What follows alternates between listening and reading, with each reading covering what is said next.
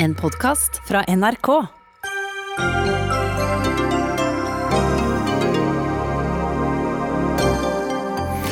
Ingen julebord eller halloweenfeiring for innbyggerne i hovedstaden i år dersom byrådslederen får det som han vil. Oslo letter ikke på smitteverntiltakene, slik resten av landet gjør.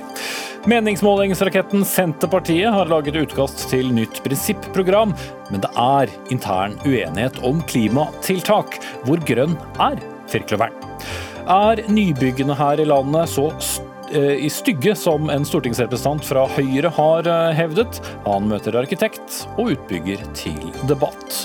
Og digital presidentdebatt? Nei takk, sier Donald Trump. Skal det bli flere debatter mot motstanderen Joe Biden, så skal de skje ansikt til ansikt.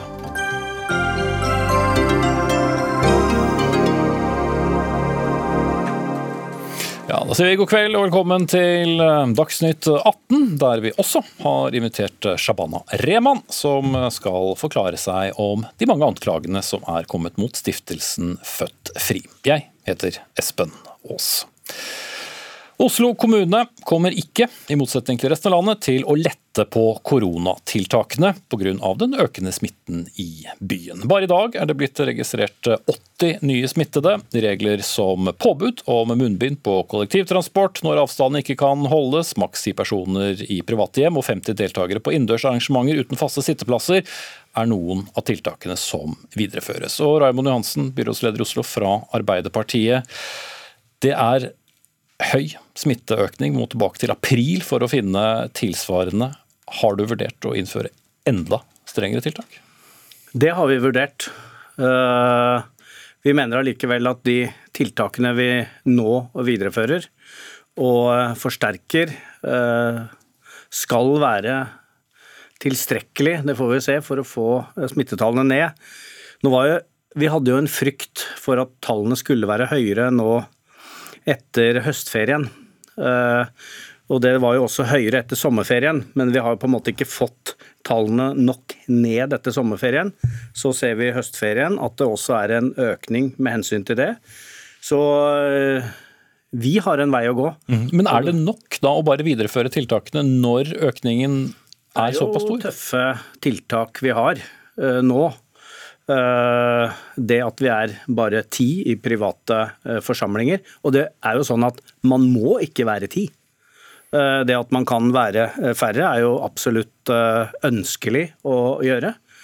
Og på alle de andre områdene som vi har gått gjennom, på påbud, på dette med forsamlinger, både på, med, med munnbind, forsamlinger og alt dette, så er jo vi veldig framoverlente og tydelig i budskapet. Men det er klart at Oslo er en eh, stor by. Vi har eh, en kvart million som reiser ut og inn hver dag. Og i likhet med de andre større byene i Europa, så har vi en større utfordring enn mindre byer. Mm. Men kunne, Du har jo bl.a. sagt i dag at uh, vurderer å droppe julebordet. Vil ikke da å stramme inn på skjenketidene igjen, slik som man f.eks. gjorde i Bergen da det var sterkt utbrudd der, over en kort periode, si to uker gi en ønsket virkning? Det var helt unaturlig for oss å si noe annet når det gjaldt både halloween, hvor vi var veldig klare, og når det gjaldt julebordsesongen. Så er jo alt det et signal på at vi må få ned mobiliteten. Vi må få ned den sosiale kontakten. Vi må gjenopprette énmeteren, som vi har visst fra mars at det har virket.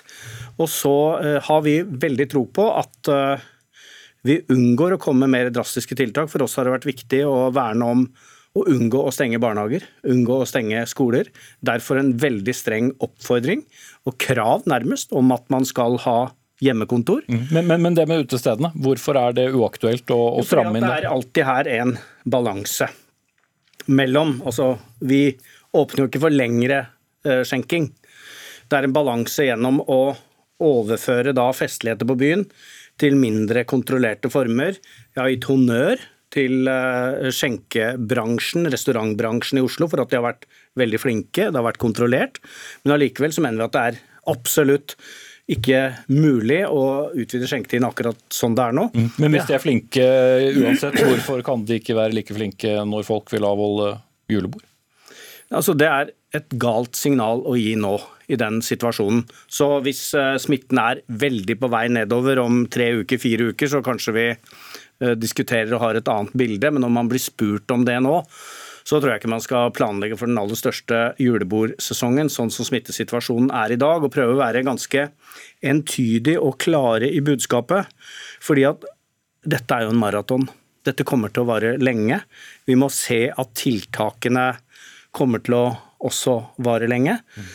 Man endrer jo på dem ut fra smittesituasjonen, så igjen, du kunne strammet inn uh, hardere vi, og over en kortere periode. Ja, men vi har veldig stramme tiltak, og vi prøver å finne en god balanse på det. Så er jo alltid doseringen vanskelig.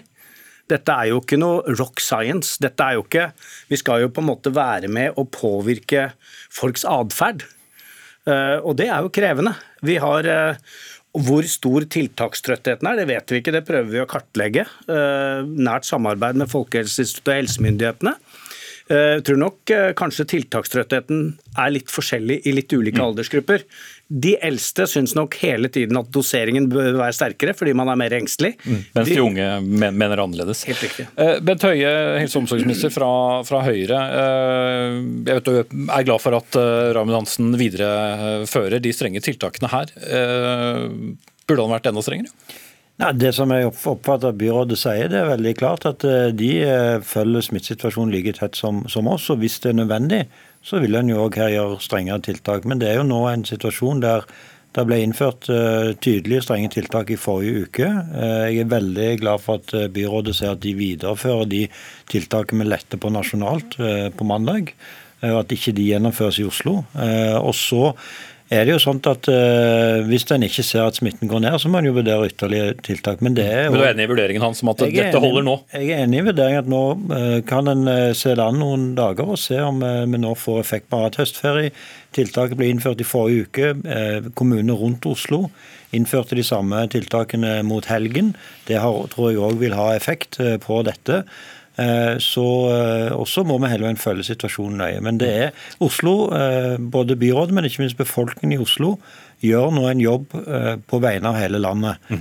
Og det, det å droppe halloweenfeiringen i slutten av oktober, og også be folk om å droppe julebordet, er det klokt? Sånn som smittesituasjonen er i Oslo nå, så er det klokt å verken gå på halloween eller gå på julebord. Og så håper jo sikkert både byrådslederen og meg at ting ser annerledes ut når vi nærmer oss jul i Oslo òg. Men akkurat sånn som det er nå, så er jeg helt enig med byrådslederen at akkurat nå er ikke tiden for å planlegge eller gå ut på en stor fest sammen med masse folk. Mm. Så når Oslo Høyre sier at eh, det burde vært åpnet for eh, julebord, så er du mer enig med Arbeiderpartiet enn ja, altså, Oslo Høyre? Nå, jeg synes det er litt sånn, Vi er nå i en veldig alvorlig situasjon i Oslo. Eh, akkurat nå i Oslo så er det ikke noe klokt. Hvis en hadde planlagt å gå ut på julebordet til helgen f.eks., så er det veldig uklokt. Fordi at en da samler masse folk i en situasjon der vi vet at det er høy smitte i Oslo. Og Så håper sikkert både byrådslederen og meg at i slutten av november og begynnelsen av desember så kan ting se annerledes ut. og da kan det òg være hyggelig å gå på julebord i Oslo. Mm. Sist dere var her, så var det litt uh, mer uenighet om når tiltak ble, ble, innført. Uh, hva er veien videre nå? Vil du følge med på hva byrådet i hovedstaden gjør, før du mener noe? Jeg følger med på hva alle gjør, jeg holdt på å si. Men, men, jeg oppfatter jo egentlig at vi hadde en veldig kort periode der vi var litt uenige. og det er ikke noe bra.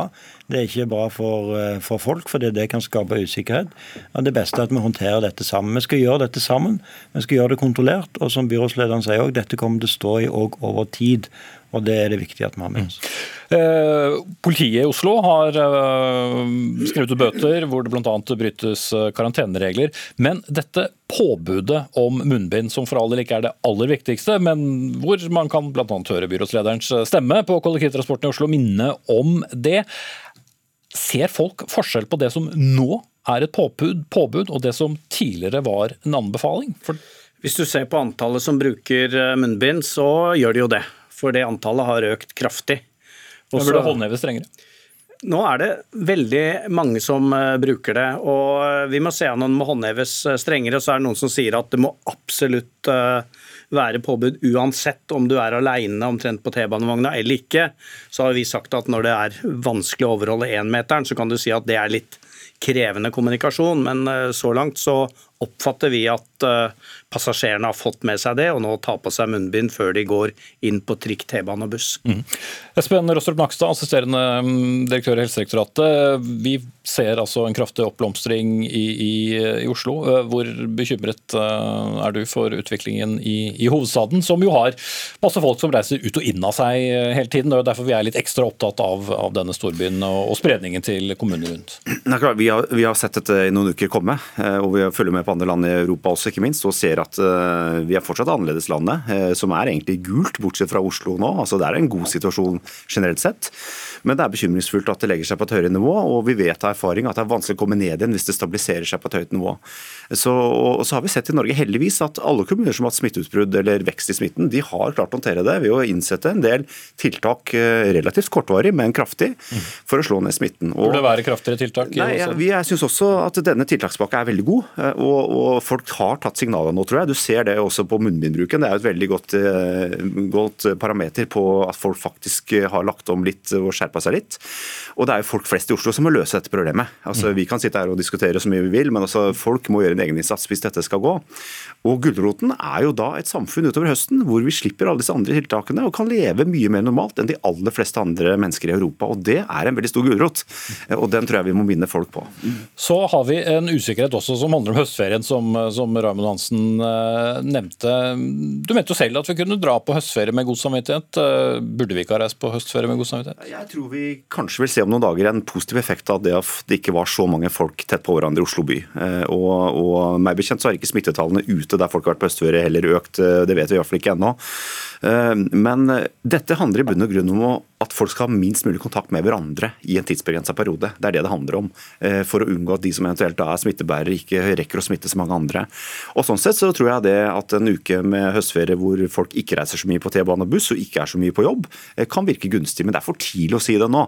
Nå må vi se effekten både av høstferien og disse tiltakene som ble skjerpet inn, og tiltakene fra nabokommunene. Sånn at det er altfor tidlig å si. Og, og om en ukes tid så vil vi begynne å se en trend, og jeg håper at den trenden går nedover. Og hvis folk gjør en god innsats, så er det gode sjanser for det. Mm. Og trettheten av tiltak er noe dere også er uh, bekymret for, egentlig alle tre i, ja, i studio her. Det, det, det, derfor det er viktig at tiltakene hele veien er tilpassa situasjonen. Nå er det jo sånn at uh, På mandag så vil det i resten av Norge, da, stort sett utenom der en har lokale smitteutbrudd, bli mulig å ha litt lengre åpning på skjenkestedene. Det blir mulig for breddeidrett, trening for voksne igjen, og det blir mulig å være litt flere til stede på konserter og fotballkamper. Og Det er jo en gulrot for befolkningen i Oslo og kommunen rundt. At eh, er vi nå i noen uker ekstra flinke, følger de rådene som byrådet har gitt, eh, reduserer kontakt med andre mennesker, holder ut på hjemmekontoret, eh, så vil en kunne oppleve det samme i Oslo òg før jul. Og det syns jeg er fint å tenke på. Mm. Og så slipper man å kjøpe inn alt godteriet før halloween også. Så vi på det. Takk til Raymond Hansen, byrådsleder fra Arbeiderpartiet i Oslo, helse- og omsorgsminister Bent Høie fra Høyre og Espen Rostrup Nakstad fra Helsedirektoratet.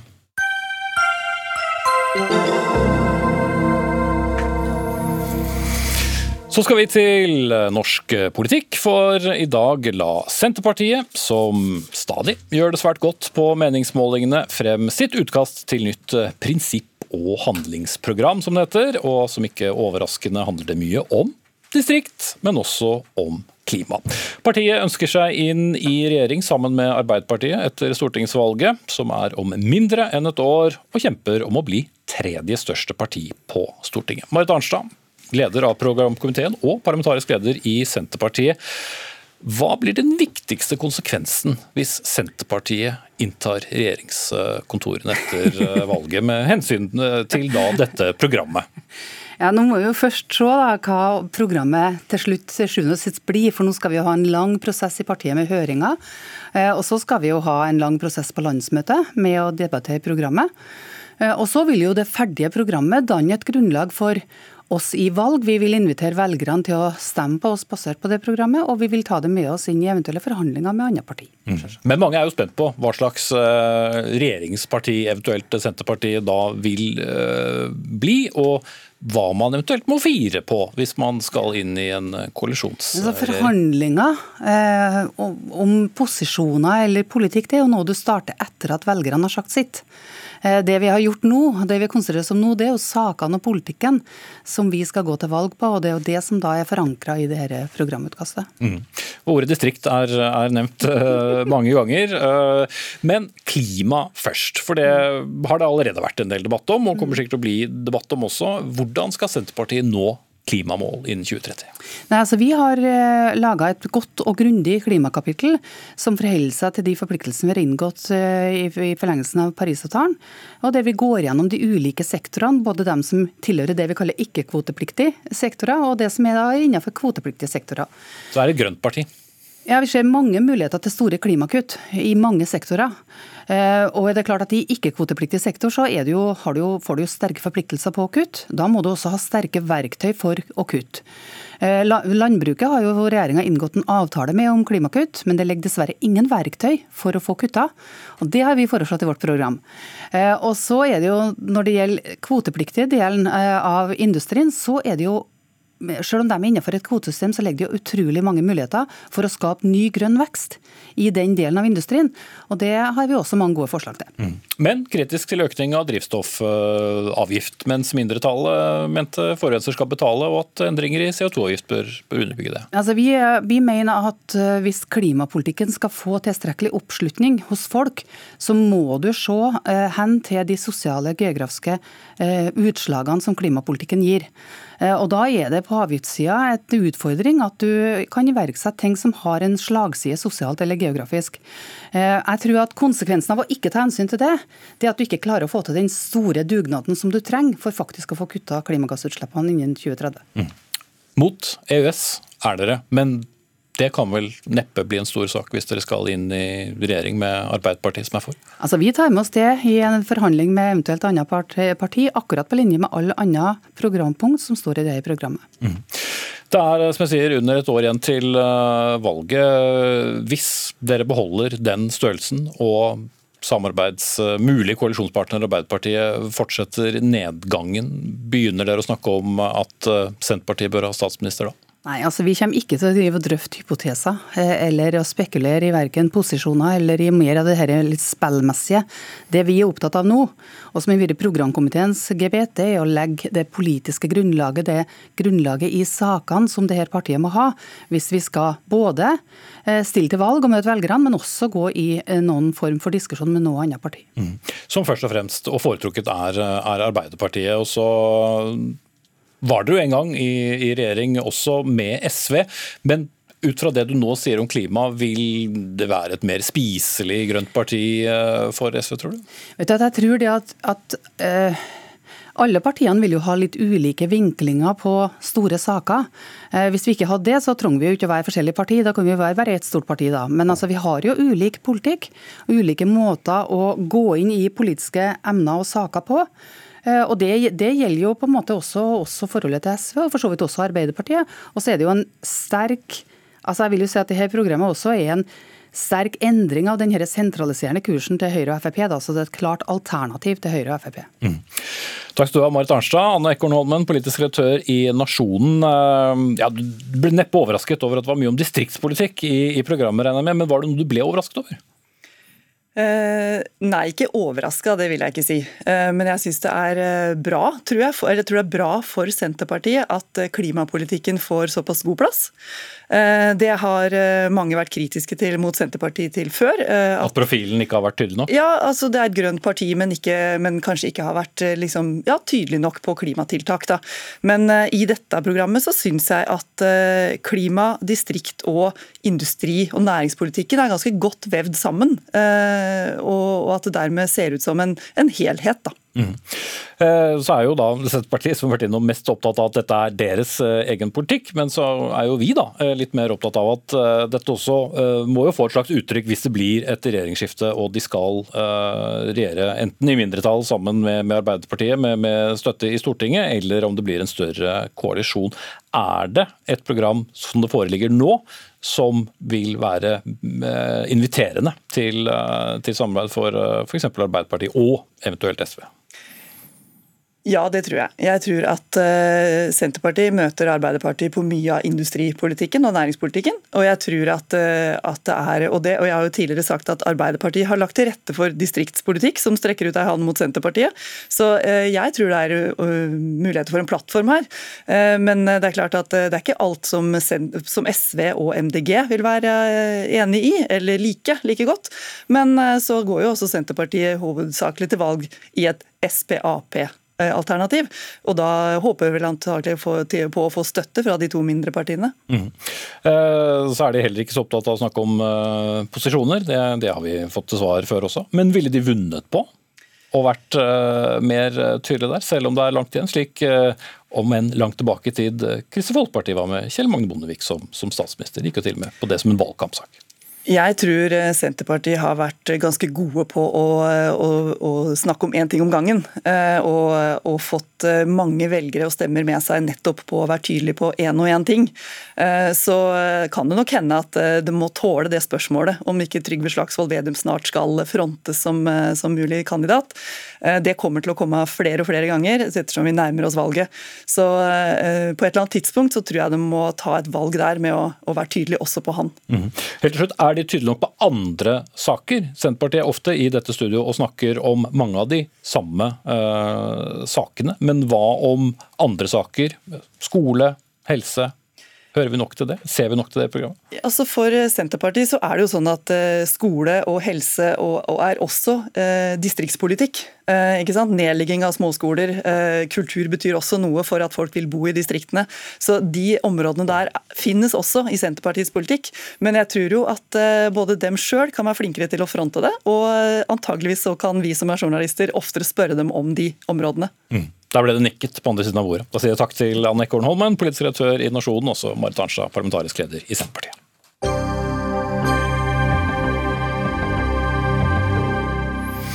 Skal kort minne om noe som skjer litt senere i eh, sendingen. For vi spør ble gårsdagens visepresidentdebatt i USA den siste i årets valgkamp? For president Donald Trump har iallfall i dag sagt klart nei til en digital og smittevernsmessig trygg presidentdebatt. Og det skal vi snakke om litt senere i sending.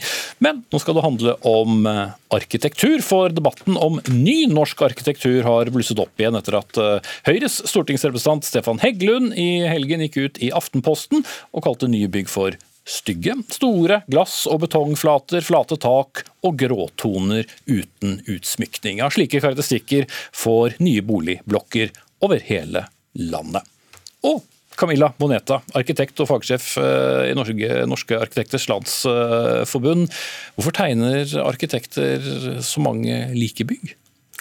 Ja, Hvis vi snakker om eh, bygg i samfunnet i dag, så er det jo kanskje boligene man eh, peker i veldig stor grad på. Og det er jo alle boligkompleksene på tettsteder og byer i Norge. Og de er like, de er veldig lite stedstilpasset, dessverre. Eh, det er synd, men det henger nok sammen med at det er et veldig stort krav om økonomisk gevinst for utbyggere. Og det er en, eh, en, tid vi lever i i dag hvor vi har industrialisering av eh, byggeprosessene. Mm. Så litt mer brutal uh, utsmykning eller arkitektur, som er, billig? Mye, ja, det er ikke så mye utsmykning uh, i dag. Men uh, man har veldig stort fokus på økonomi, og det kjenner jo vi arkitekter på at det er vanskelig å forholde seg til mange ganger. Mm. Så du skulle gjerne sett mer variert boligmasse? Jeg skulle gjerne sett at det var mer stedstilpasset og mer eh, i tråd med omgivelsenes eh, ønsker og krav. Mm. Men hvor, mye, hvor kraftig kan da arkitekter dytte på dette selv? Dere blir jo bedt om da av utbyggere å, å, tegne nye blokker. Er det da sånn at dere tenker ja ja, nei, her får vi kjøre på med, med mye, mye, betong og, og ja, altså De arkitektene jeg snakker med, de er ofte veldig frustrerte fordi at det er lite gehør for det som kalles da arkitektonisk kvalitet, som Heggelund jo etterlyser.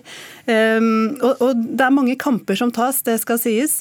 Og så står man jo i en uh, skvis fordi at man ønsker å få til mest mulig innenfor de rammene man har å jobbe med. Det er jo vår oppgave som arkitekter å, å få til flest mulig kvaliteter. Vi har jo alltid økonomiske rammer som vi må forholde oss til, og vi har rammer på tomtene som er veldig viktig at vi, vi oppfyller. Mm. Ja, Vi har en utbygger som vi skal snakke med straks, men Stefan Heggelund, eh, stortingsrepresentant for Høyre, altså, det var altså du som gikk ut i, i Aftenposten med, med, denne kritikken om de stygge byggene. Hvem har ansvaret, for det er jo noen som sier ja til dette òg, som heter myndigheter? Altså, så, vil jeg bare si at Du siterte meg ikke helt riktig. Jeg sa at vi kan løfte, vi må tørre å snakke om pent og stygt igjen. Jeg sa ikke at alt nytt som bygges er stygt, det sa jeg ikke. Men jeg sa at veldig mye var likt, like, lite strøkstilpasset og at det nesten utelukkende er eh, modernistiske bygg som bygges. Men du gikk ikke ut fordi at du syntes det var vakkert å, å se rundt på mange norske byer på Nei, jeg, jeg har merket også reaksjonene på, på etter, som jeg har fått etter at denne saken var i Aftenposten, har jo vært massive i min mailboks og på min Facebook osv. Eh, men hvor mange som engasjerer seg i dette, og er enig i det jeg sa. Jeg ønsket å løfte denne debatten fordi at byutvikling det er noe som angår oss alle. Vi kan ikke velge å ikke forholde oss til det. Når et bygg er reist, eller en torg eller møteplass er etablert, ja, så, så går vi forbi den, eller vi bor der, eller vi jobber der. Og dette gjelder både kontorbygg og boligbygg. Mm. Og da er spørsmålet hvordan har det blitt slik at alt som, eller det meste av det nye som bygges i Norge i dag, for dette gjelder ikke bare noen steder i Norge, dette gjelder hele landet, Hvorfor ser det helt likt ut? Hvorfor er det så lite strøkstilpasset? Og hvorfor er det så stor avstand, virker det som, mellom hva folk foretrekker, og det utbyggere faktisk ønsker å bygge. Og Det er en viktig debatt å ta. og, derfor så for, og Det er en debatt som foregår i hele Europa. Mm. Og Derfor så foreslår jeg at vi skal gjøre det de har gjort i Storbritannia, hvor de nedsatte et utvalg som het Building Better, Building Beautiful, eh, som har kommet med noen forslag og retningslinjer som man kan følge for å faktisk eh, få en bedre byutvikling enn det vi har i Norge i dag. Ta på deg hotellfondet du også, for nå må vi slippe til en, en utbygger her, nemlig Obos. og Der er du administrerende direktør Daniel Kjørberg eh. Og Nå er ikke Obos alene som, som kritiseres, men dere er jo utvilsomt en av landets største utbyggere. Så hvorfor må alt være så likt? Jeg, jeg, jeg, er ikke enig i at alt er likt, men, men, det er klart at uh, mye av den arkitekturen vi bygger i dag, er et uttrykk for sin tid. Og så har jeg veldig stor respekt for at uh, Heggelund og andre ønsker seg et annet. og det, det med, med, med, dette, dette, er jo et smaksspørsmål. også.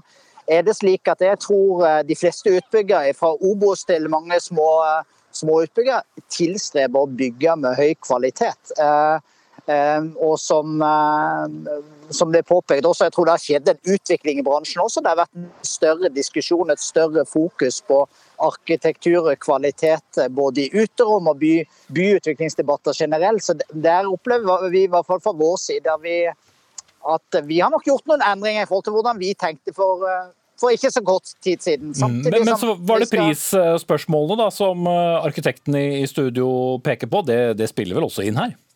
Absolutt. og, jeg, og eh, Erling Lårkolm kommenterer det ganske greit. Altså det skal vi bygge boliger som vanlig, og mange nok boliger som, som mange har råd til, så må vi også jobbe med eh, industrialisering og standardisering. Vi blir jo kritisert som bransje for å ikke være produktive. og det en av de måtene å være mer produktive på, er jo å holde kostnadene nede, er å bygge standardisert. Men det å bygge standardisert betyr ikke at vi skal bygge kjipt, dårlig og stygt det er vi nødt til å, å ta på ansvar som bransje. Mm. Så eh, de har litt rett, da? Det er, gjort mye, det er gjort mye som kanskje ikke er så bra, men det er gjort veldig mye bra også. Eh, av boligkvaliteter, som jeg sier. Jeg syns man skal være varsom med å heve pekefingeren, for dette er folks hjem. Det er mange som faktisk trives. Jeg bor i et sånt sted sjøl, som jeg er ganske sikker på mange vil kategorisere som, som mindre pent. Men eh, men det er et fantastisk område å bo i. Fantastiske jo, jo, men så har du ikke så mye valg når du skal flytte inn et sted heller. Eh, få en eh, kommentar fra de i studio nå, Maneta først. Jeg synes jo, altså Obos er jo i ferd med å gjøre mye bra, men det er klart de har veldig mye å gå på når det gjelder å, å fremheve arkitektonisk kvalitet. og Jeg vet jo at arkitekter som jobber i Obos ofte syns at man kommer til kort med å argumentere for hva som er god både bokvalitet og, og uterom og fasader.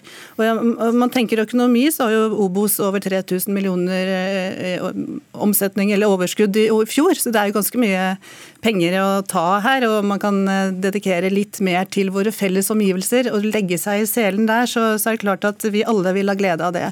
Mm. Har utbyggerne selv for mye makt, egentlig? Vel, De har i hvert fall veldig mye makt, og de må være den makten bevisst. Så må jeg si at jeg syns det er ganske billig av Sirai å si at dette er et angrep på folks hjem. Jeg har bodd i alle slags mulige typer blokker. Jeg har vokst opp i Selvåg, jeg har bodd i Obos. Det er ikke det dette handler om. Det handler om at også forskning viser. Forskere ved NMBU har undersøkt eh, hva slags type byrom folk, folk liker best, de, hvor de føler seg mest komfortable. Eh, og da fant jo forskningen ut at det er er eh, tradisjonelle byrom. Det var faktisk Bankplassen i Oslo som, som kom aller, aller, best ut. Og Det som er utfordringen nå, det er ikke at man, at man bygger modernistisk og at det finnes sånne typer bygg. Det som er utfordringen er at alt er mm. likt. Og Hvis man ser på Obos hjemmesider nå, så fremhever de fire nye utbyggingsprosjekter. Ett av dem skiller seg litt ut, de tre andre er det mulig å skille fra hverandre. Og fra tre vidt forskjellige steder i landet også. Sirai? Jeg er faktisk ikke enig i at det er nødvendig. Så vi bygger i takt med det. Vi får stort sett eh, gode tilbakemeldinger fra kundene våre på dette. Men jeg er enig med Heggelund og, og Moneta i at vi må kontinuerlig jobbe med å bli bedre på dette området. Eh, et bygg kan ikke stå alene, det må snakke med sine omgivelser. Hvis man ser på, Vi jobber med mange forskjellige prosjekter. Vi jobber med et stort prosjekt på Ammerud i dag, der vi jobber med en helt annen type arkitektonisk form enn det vi har gjort. Så, så, dette er en prosess som er i endring. Jeg tror vår bransje er i endring. Eh, og samtidig så er det slik at skal vi kunne bygge gode, gode boliger til en pris folk har råd til, så er vi nødt til å standardisere. Da er det ganske mye som må bli ganske likt. Mm, så da blir det som det er, da? Nei, jeg tror vi kommer til å se ganske store forandringer. Fordi at jeg tror at vi, vi kommer til å se at mennesker har ulike typer behov. og Det er jo vokst opp ganske mange selskaper som jobber etter litt andre eh, etter litt andre maler. Så, så jeg, tror på, jeg, tror vi kommer til å se mer variasjon, men, men at det kanskje kommer til å variere litt mellom hvor, hvor det er, og, og litt etter hvor, eh, hvilken lommebok man henvender seg mm. Men Moneta, ville strengere retningslinjer da være løsningen? Jeg ser jo for meg at ikke alle jubler for det, heller? Nei, jeg tror løsningen er bedre samspill faktisk mellom alle de aktørene som skal til for å få til arkitektur og gode boliger. Og Da handler det om at man har utbyggere som jobber tett sammen med arkitekter, og at kommunene stiller eh, presise krav som de følger opp helt til slutt. Og De kravene må handle om vår felles eh, omgivelser skal stå og være verdige og vakre over tid. Det er jo det det handler om. Og At vi føler oss ivaretatt mellom byggene, at det er gode uteområder, at vi er nær grønne arealer osv. Og, og at man bruker eh, materialer som varer eh, over tid og er bærekraftig. Ja, altså jeg tror det er viktig å huske på, Bygger du et bygg, så tilhører det ikke bare deg. Altså Du kan eie eiendommen, og alt sånt, men reiser du et bygg i en by eller en kommune, så tilhører det ikke bare deg på den måten at alle andre som er der må forholde seg til det. Så er spørsmålet skal man ha strengere reguleringer, mindre reguleringer. Hva er svaret? Jeg tror svaret er bedre reguleringer. og Det er derfor jeg mener at vi trenger et godt gjennomarbeidet eh, utvalg som kan se på dette. Hvordan vi kan bygge bedre og vakrere fremover, og mer variert. Mm. I møtet ser du det kort til slutt, eh, Sirai? Jeg eh, ønsker en verdiskusjon, for vi er helt enige at vi må bygge bygg som, som, eh, som Diskusjon, men reguleringer, er det veien å gå? Jeg tror ikke flere reguleringer, men en god diskusjon er enig med Moneta. Vi må jobbe enda bedre jobbe sammen som arkitekter utbyggere, gjerne sammen med politikerne, for hvordan vi ønsker byene våre. Så eh, jeg ønsker enhver diskusjon om dette. Hjertelig velkommen. Ok, Da setter jeg strek der. Takk til Camilla Moneta, arkitekt og fagsjef i Norske arkitekters landsforbund, Stefan Heggelund, stortingsrepresentant fra Høyre, og Daniel Kjørberg Sirai, som er administreriktør i utbyggeren Obos.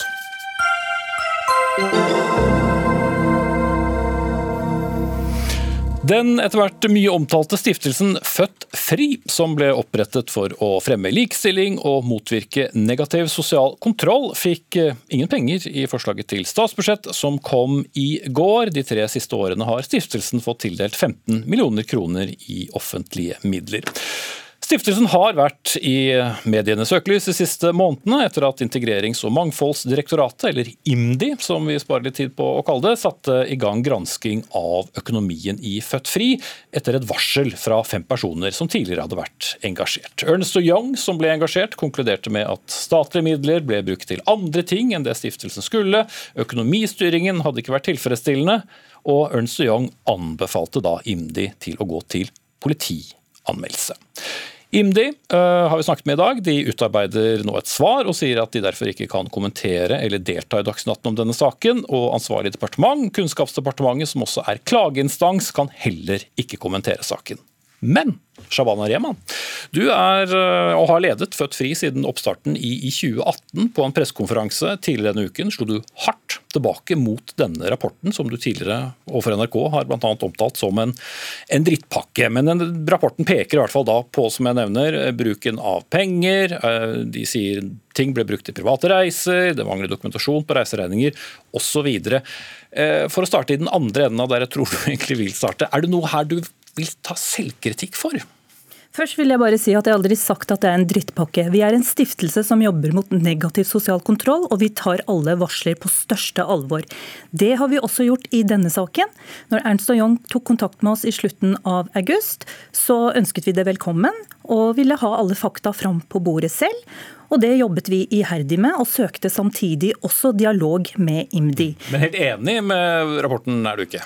Selvfølgelig ikke. Den er full av fakta og feil. underveis i prosessen eh, så skjønte vi at eh, Ernst og Young ikke tok våre redegjørelser på alvor.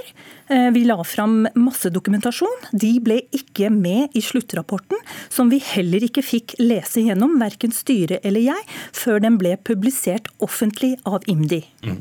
Eh, så bare for å ta noen av de tingene som har fått mye omtale i, i, i mediene, bl.a. en, en London-tur til 65 000 kroner over fem dager for deg og en tilknyttet artist, med flere show og en a-ha-konsert for inspirasjon til å jobbe med en revy på Stovner skole i, i Oslo. Her sier revisorfirmaet at eh, beløpene overgår hva som ville være rimelig og kostnadsføre. Er du enig i det? Jeg er helt uenig i det. Det, ikke, det, stemmer ikke med de redegjørelsene vi har gitt og den dokumentasjonen vi har gitt. Det er en forklaring på at eh, alle eh, våre aktiviteter er helt i tråd med formålet, og også rettet mot målgruppa. De forklaringene er ikke tatt med. Varselbrevet, som jeg først fikk innsyn i for bare noen dager siden, to måneder etter at den hadde sirkulert i, hos IMDi og Ernst og Young.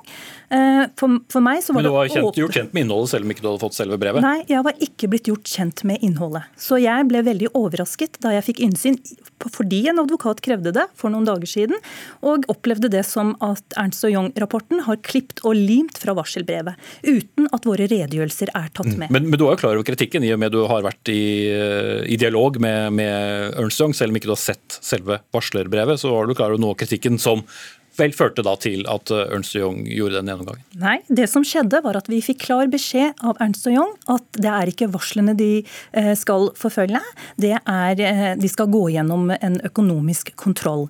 Og Det var det vi trodde i god tro, og la fram og ga dem tilgang til alle våre regnskap.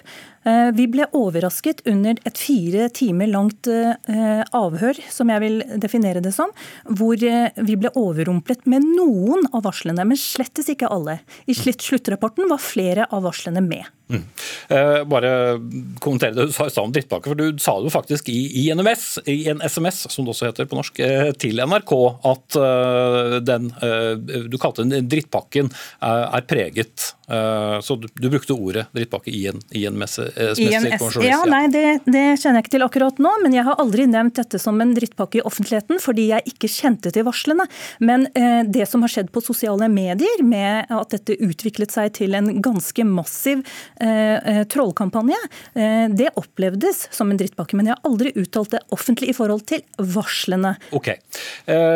andre ting som har blitt kritisert i rapporten, innkjøp av en Mac til over 73 000, drone til 10 000, to Apple Watch-klokker til over 10 000. Var det nødvendig innkjøp for formålet til eh, stiftelsen? Som vi også redegjorde for Ernst og Young. Født Fri er en moderne teknologisk informasjonsvirksomhet. Vi kjøpte inn en redigerings-Mac med programvære fordi vi har hatt over 30 direktesendinger. Alt dokumentert, alt lagt ut på YouTube. Det krever en redigerings-Mac, selvfølgelig gjør det det. Jeg har selv sittet og klippet og redigert flere av våre direktesendinger i ettertid for at det skal være i tråd med Vær varsom-plakaten. Dette nettopp for å spare penger. Mm. I en av denne, denne, rapporten så pekes det på abonnementer til strømmetjenester som HBO, TV2 Sumo, uh, abonnementer fra Apple i 347 uh, eh, forskjellige transaksjoner til en sum av 43 000. Så skriver Ernst og Young at dette fremstår som privat. Nettopp. De antar og insinuerer uten å eh, se på hva det faktiske eh, bruket har vært. Men eh, abonnement sier... på strømmetjenester, er det noe stiftelsen trekker? Ja, absolutt. Vi har eh, hatt tilgang til flere mediekanaler fordi vi er en informasjonsvirksomhet. Dette forklarte vi dem. De har bare summert sammen alle tallene uten å se på prosjektregnskapene våre. Og det er veldig alvorlig det som har skjedd. Det har gitt et helt feilaktig bilde av vår virksomhet. Men, men bare forklar hvorfor man trenger da HBO Nordic og, og TV 2 Sumo for å drive en stiftelse? TV 2 Sumo fordi vi har flere sendinger. Eh, vi må jo se det vi produserer og som faktisk blir sendt. Dette forklarte vi dem. Og når det gjelder HBO, eh, jeg har privat Netflix, men HBO eh, kjøpte vi tilgang til fordi at det er en serie der eh, som viser streng negativ sosial kontroll i en fremtidig New York. Denne serien er en populær serie som også har vunnet mange priser, og var helt i tråd med vårt formål. Det var svært viktig for oss å analysere og se denne serien. Dette forklarte vi også Ernst og Young. Og så vil jeg bare legge til at det Ernst og Young heller ikke tok med, og som IMDi kjenner meget godt til, fordi de har vært på mange av våre konferanser selv og hyllet dem. Og det er jo alle prosjektene våre. F.eks. I Empower Me, hvor vi inviterte internasjonale eh, frihetskjempere, bl.a. Nadia Ghulam som har overlevd i Kabul kledd ut som mann. Mm. Hun inviterte vi til Oslo, eh, hvor hun fortalte at det er mange mm. tror at det er tøft å være kvinne i Afghanistan. Men, men det er ikke det dere har fått kritikk for? Også tøft å være mann. Mm. Ha, ha, bare siste, siste, spørsmål, eh, fordi tiden renner dessverre ut her. Eh, men det er mange påstander om både bland, sammenblanding av eh, ditt eget selskap, Wanted Productions Norway, og pengeoverføringer til det for tjenester utført for stiftelsen, og også sammenblanding av private tjenester og stiftelsen. Tilbakeviser du alle de? Ja, jeg tilbakeviser alle de. Det har vært overføringer til Født Fri fra Wanted Production fordi vi lager en dokumentarfilm om Stovner-revyen. Mitt selskap søkte da finansiering for at vi skulle eh, eh, det finansiere dette. Eh, det er en grunn til at dette skjedde. og Det er fordi at eh, Stovner skole hadde tillit til Født Fri, og vi fant ingen uavhengig produksjonsselskap mens revyen var i gang. Så vi dokumenterte dette. Det er ingen penger, ikke en eneste krone, som er underslått. Er alle, alle, bilag er levert, og eh, dette er ikke blitt tatt hensyn til. Dette har skjedd parallelt med at IMDi har brutt all god forvaltningsskikk. Mm. Som sagt, De er ikke i studio, og kan ikke kommentere, men de kommer med et svar, så vi får flere kapitler i denne historien når de svarene kommer. Takk skal du ha. Det håper jeg at de gjør. Jeg vil gjerne ha et svar. Takk skal du ha. Hør Dagsnytt 18 når du vil. Radio NRK Radio.nrk.no. Jeg eh, tar neppe for store ord i min munn når jeg sier at presidentvalgkampen i USA fortsatt eh, preges av eh, koronasmitten til landets president Donald Trump. I dag kom nyheten om at presidentdebatten i neste uke mellom ham og demokratenes presidentkandidat Joe Biden skal foregå på video, sånn at de ikke skal være i samme rom. Nett Eh, nettopp pga. Uh, smittefaren. Men i et intervju med Fox Business Network eh, så svarte Trump veldig klart at dette er helt uakseptabelt for ham, og at han ikke kommer til å delta i noen debatt der ikke han og Biden møtes ansikt til ansikt. Og Korrespondent Anders Magnus med oss fra Salt Lake City i, Utah. I dette intervjuet så anklaget Trump da kommisjonen for å holde en beskyttende hånd over Joe Biden og mener at de her er partiske. Hvordan da? Ja, Han sier det, og det sier jo også hans eh, kampanjesjef. Eh, Bill Stepien sier at eh, dette er sumpdyr i denne kommisjonen. Vi skal huske på at han som leder kommisjonen er tidligere formann i det republikanske partiet, så de fleste andre mener at disse er nokså uavhengige, for de har medlemmer både fra republikanerne og fra demokratene. Men det aller siste nå er at både Trumps kampanje og Bidens kampanje har blitt enige de skal flytte denne eh, debatten en uke fram i tid, til den 22. oktober. Og så skal de sannsynligvis ha en ny debatt uken etter, 29. oktober, altså like før valgdagen. Men før de ble enige om dette, så falt det jo fryktelig mange harde ord. Eh, som du sa, så ville ikke Trump være med på noen sånn eh, virtuell debatt. Og han sa også det at han følte seg frisk nå. Han ville gjerne hatt en, et folkemøte allerede i går. Han vil i hvert fall ha det i dag, så vi får nå se om det ikke snart kommer noen folkemøte fra hans side. Han sier han er helt frisk. Han sier at han ikke kommer til å smitte noen. Men vi vet jo ennå ikke om han er frisk, om han er smittefri, fordi det har ikke vært offentliggjort i hvert fall noen, eh, noen eh, tester om at han har vært eh, testet negativt etter at han ble innlagt på sykehus og etterpå kom tilbake til Det hvite hus. Mm.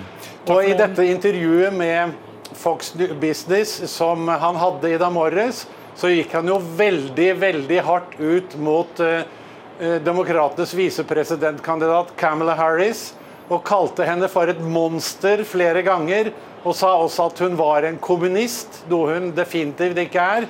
Så i dag så har Trump vært virkelig hard i klypa i de uttalelsene han har gitt. Mm. Takk skal du ha, Anders Magnus, med oss fra Salt Lake City. Sofie Høgestøl, USA-kommentator her i, i, NRK uh, i forbindelse med denne valgkampen. Denne kommisjonen da, uh, hvordan skal vi kunne vite at denne kommisjonen uh, som skal være upartisk, egentlig er det? Det er et godt spørsmål, men den består jo av representanter fra begge partiene. Eh, og den har jo upartisk greid å komme frem til debattregler som har blitt fulgt i mange tiår nå. Um, så dette er vel Man krangler jo ofte om reglene på forkant og hvor mange debatter det skal være. Det er ikke en ukjent størrelse. Men det å ha en krangel um, sånn på tampen midt i en valgkamp, det er uvanlig. Men det er jo også veldig uvanlig at man har en sittende president som har blitt kritisk syk 27 dager for et amerikansk valg, eh, og nå ikke kan kanskje gjøre fysiske eventer på den måten. Mm. Eh, så det, alt er jo ekstraordinært. Så kan det hele spore da helt av? Det er jo kanskje mange som følte at ting spurte litt av i forrige, første presidentdebatten. At det kanskje like greit det ikke ble en, en, runde to av det. Det er nok kanskje andre som tenkte at det ville være veldig fint å ha en sånn debatt med de to karene på Zoom, da, for da kan man mute de når de snakker for mye. Det kan man da ikke gjøre med en live debatt. Men jeg tror uh, Joe Biden er jo, sånn som jeg har skjønt uh, rapportene som har kommet siste timen, en av de som har vært villige til å flytte det sånn de kan ha folk der. For litt av tanken med den debatten som man skulle hatt neste uke, det var jo at man skulle hatt velgere der. Det er sånn town hall-style, mm. som skal stille spørsmål. Mm. slags folkemøte. Ja, og da får man det om to uker. Den 22. Uh, Une Brattberg, utenrikskommentator i, i, Vårt Land. Litt av grunnen til at vi egentlig inviterte dere, er jo fordi vi hadde da denne visepresidentdebatten i, i, natt med, med Cameron Harris uh, og Mike Pence. Hvis vi ser på Mike Pence og den, uh, det han sa og gjorde, bidro han på noen måte slik at han styrket Donald Trumps måte, muligheter for å bli gjenvalgt? Eh, ja, I hvert fall svekket han den ikke, syns jeg. Og han, det var jo en rolig og fin debatt, og det skulle, skulle kanskje ikke så mye til eh, i forhold til den forrige. Men det var en helt annerledes debatt. Og, og han, han, talte til sine, eh, sine, velgere og var jo helt annerledes enn Donald Trump, så de utfylte hverandre litt, vil jeg si. Mm. Eh, og mange satt jo ikke igjen med så mye realpolitikk etter uh, den første runden med presidentkandidatene. Fortsatt var det jo mye som var preget av, av korona, hvordan dette var håndtert osv.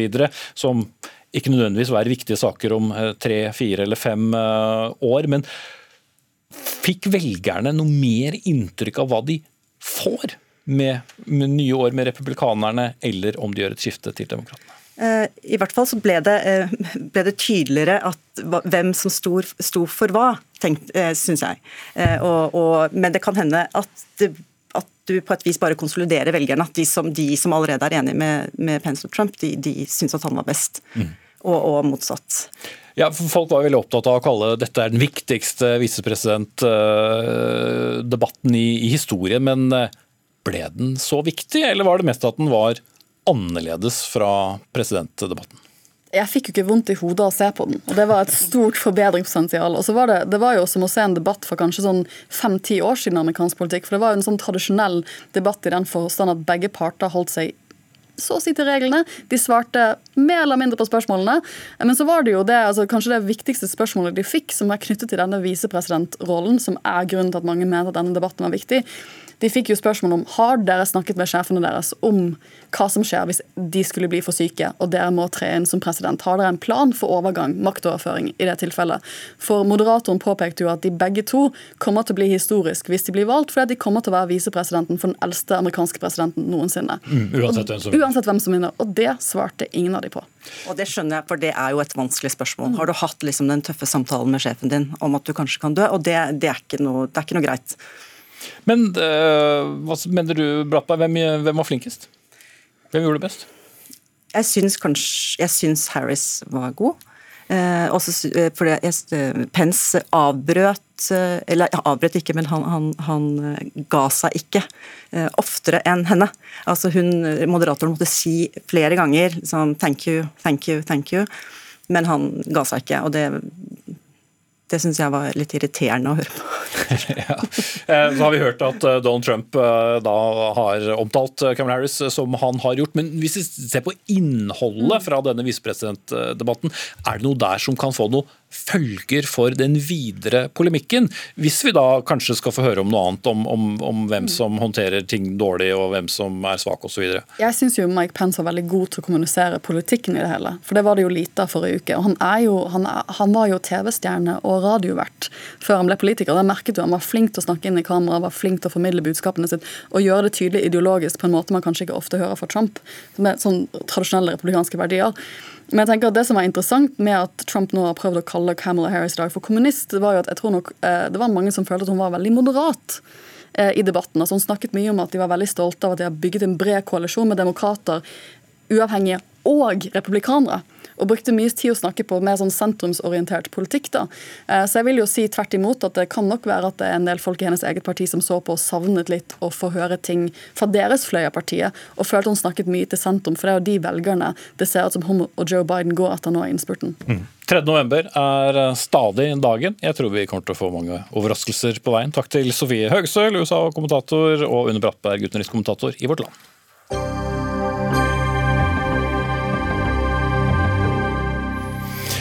Vi viet jo gårsdagens sending til eh, statsbudsjett i sin helhet. Vi slipper det ikke helt uh, i dag, for universiteter og høyskoler de er skuffet over hvor uh, mye penger som, eller hvor lite ifølge dem, da, ble satt av til forskning i forslaget til statsbudsjett.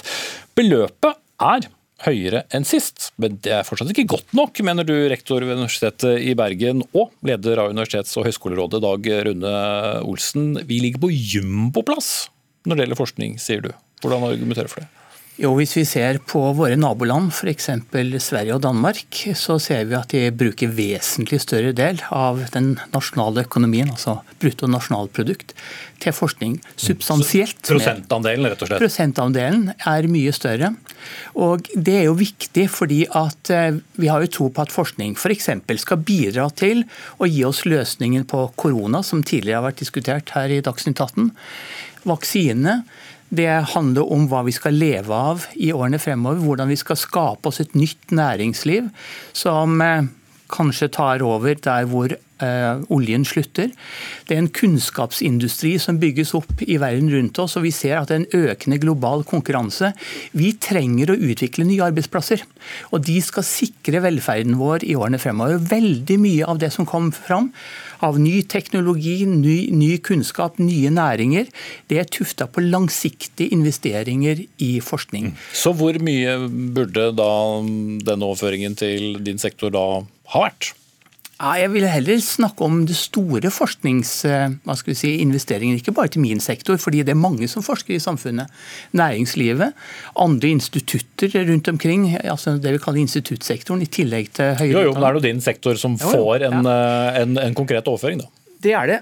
Eh, I Sverige så har tre sentrale næringslivsledere sagt at de mener at svenske samfunnet trenger 4% av BNP for å bli, fortsatt bli en ledende industrinasjon, greie omstillinger og ha et godt kunnskapsgrunnlag. I Norge så har vi 3 %-mål. Når det gjelder min egen sektor, så er det jo slik at eh, av brutto nasjonalprodukt så brukes det 7 promille til universitets- og høyskolesektoren. I eh, Danmark så er det en prosent, og eh, i Sverige så er det litt under en prosent. Vi bør ha skandinaviske hårete mål. Ok, eh, Statsråden for eh, høyere utdanning, utdanning som det også heter, Henrik Asheim, kunne ikke stille i dag, men, men du vant hans plass. Marianne Synnes Emlesvåg, stortingsrepresentant fra Høyre. Er du fornøyd med denne type rangering i Norden eller Skandinavia som Dag Rønne Olsen nettopp ga? Jeg skal ikke legge meg opp i rangeringa, men jeg er fornøyd med forskningsbudsjettet, som er på nesten 41 milliarder kroner. En realvekst på 2,1 og jeg, var jo veldig overraska over responsen fra Universitets- og høgskolerådet. Fordi at de, de, sammenligner sammenlignes med, med, Sverige og Danmark. Norge ligger på ca. 2% Ja, vi har et mål om 3 slik som, som Sverige og Danmark. Men eh, Olsen glemmer jo å si at bidrag av statlige midler er omtrent på 1% fra alle. Realiteten er jo at det er jo næringslivet i Danmark og Sverige som bidrar med veldig mye. Så kritikken burde ikke gå til regjeringa, kritikken burde gå til, til næringslivet, som bør drive mer forskning. Olsen. Vi er helt enig i at næringslivet må legge mer penger på bordet. Det er ikke noe tvil om dersom vi skal bidra til, eh, hvis vi skal få til omstillingen. Men det er slik som jeg sa i sted, at til min sektor, universitet og høyskolene, så er det slik altså at eh, både i Sverige og Danmark så går det mer av budsjettet, statsbudsjettet til, sektor, til vår sektor Eh, enn hos oss. Så Det ville jeg nå ha sett på hvis jeg var eh, statsråd og eller eh, regjeringsparti i denne sammenhengen. her. Men vi er helt enig i at vi også skal utfordre næringslivet. Og Det var for så vidt nettopp det disse tre næringslivslederne i Sverige gjorde. De garanterte at dersom staten legger en solid vekst på bordet, så skal de fylle resten av gapet. Så det er klart at Her er det jo viktigere enn å på en måte skylde på hverandre. Her er det viktigere å komme sammen og løfte forskningsprosjekter budsjettene våre. For det, det, er det som skal gi oss velferd og verdiskaping i årene fremover. Og det er kanskje en politisk oppgave, Emlem Svaag? Ja, og Det er jo akkurat det vi prøver å få eh, næringslivet med på banen. Eh, den som har fulgt med på forskningspolitikken, ser jo at vi satser jo tungt på FoU for å omstille næringslivet. Og Det er felles prosjekt mellom akademia og næringsliv vi, vi satser på. Sånn at vi gjør jo allerede veldig mye for å få opp eh, næringsforskninga. For Det er jo der arbeidsplassene skal skapes. Det, det, er der vi skal få utvikling i teknologi og nye næringer. Mm. Men Dagrun Olsen, forskningsbudsjettet har økt med 55% siden 2013? Eh, ja, men jeg tror nok vi må ta og korrigere for pris- og lønnsvekst, sånn at vi er godt ned på 20-tallet, eller ned på 20-tallet i hvert fall.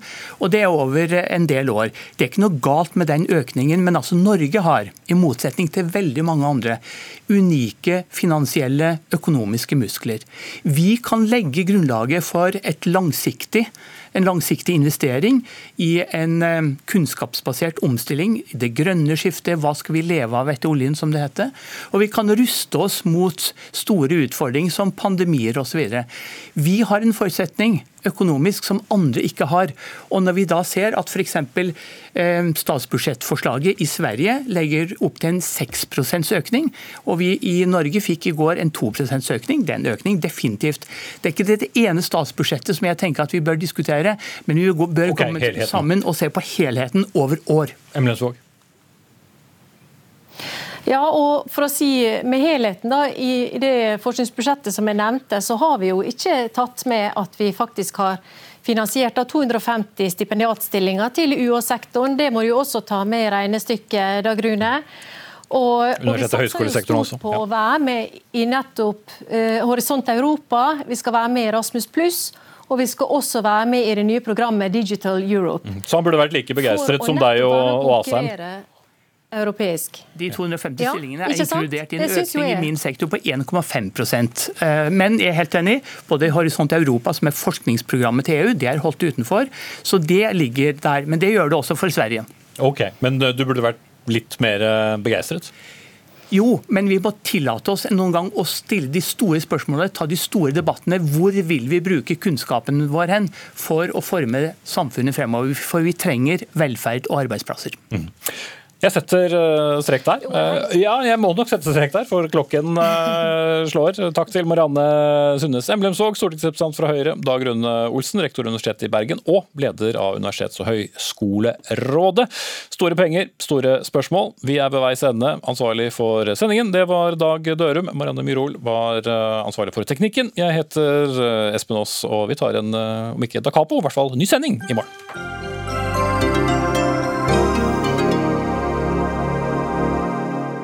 Du har hørt en podkast fra NRK. Hør flere podkaster og din NRK-kanal i appen NRK Radio.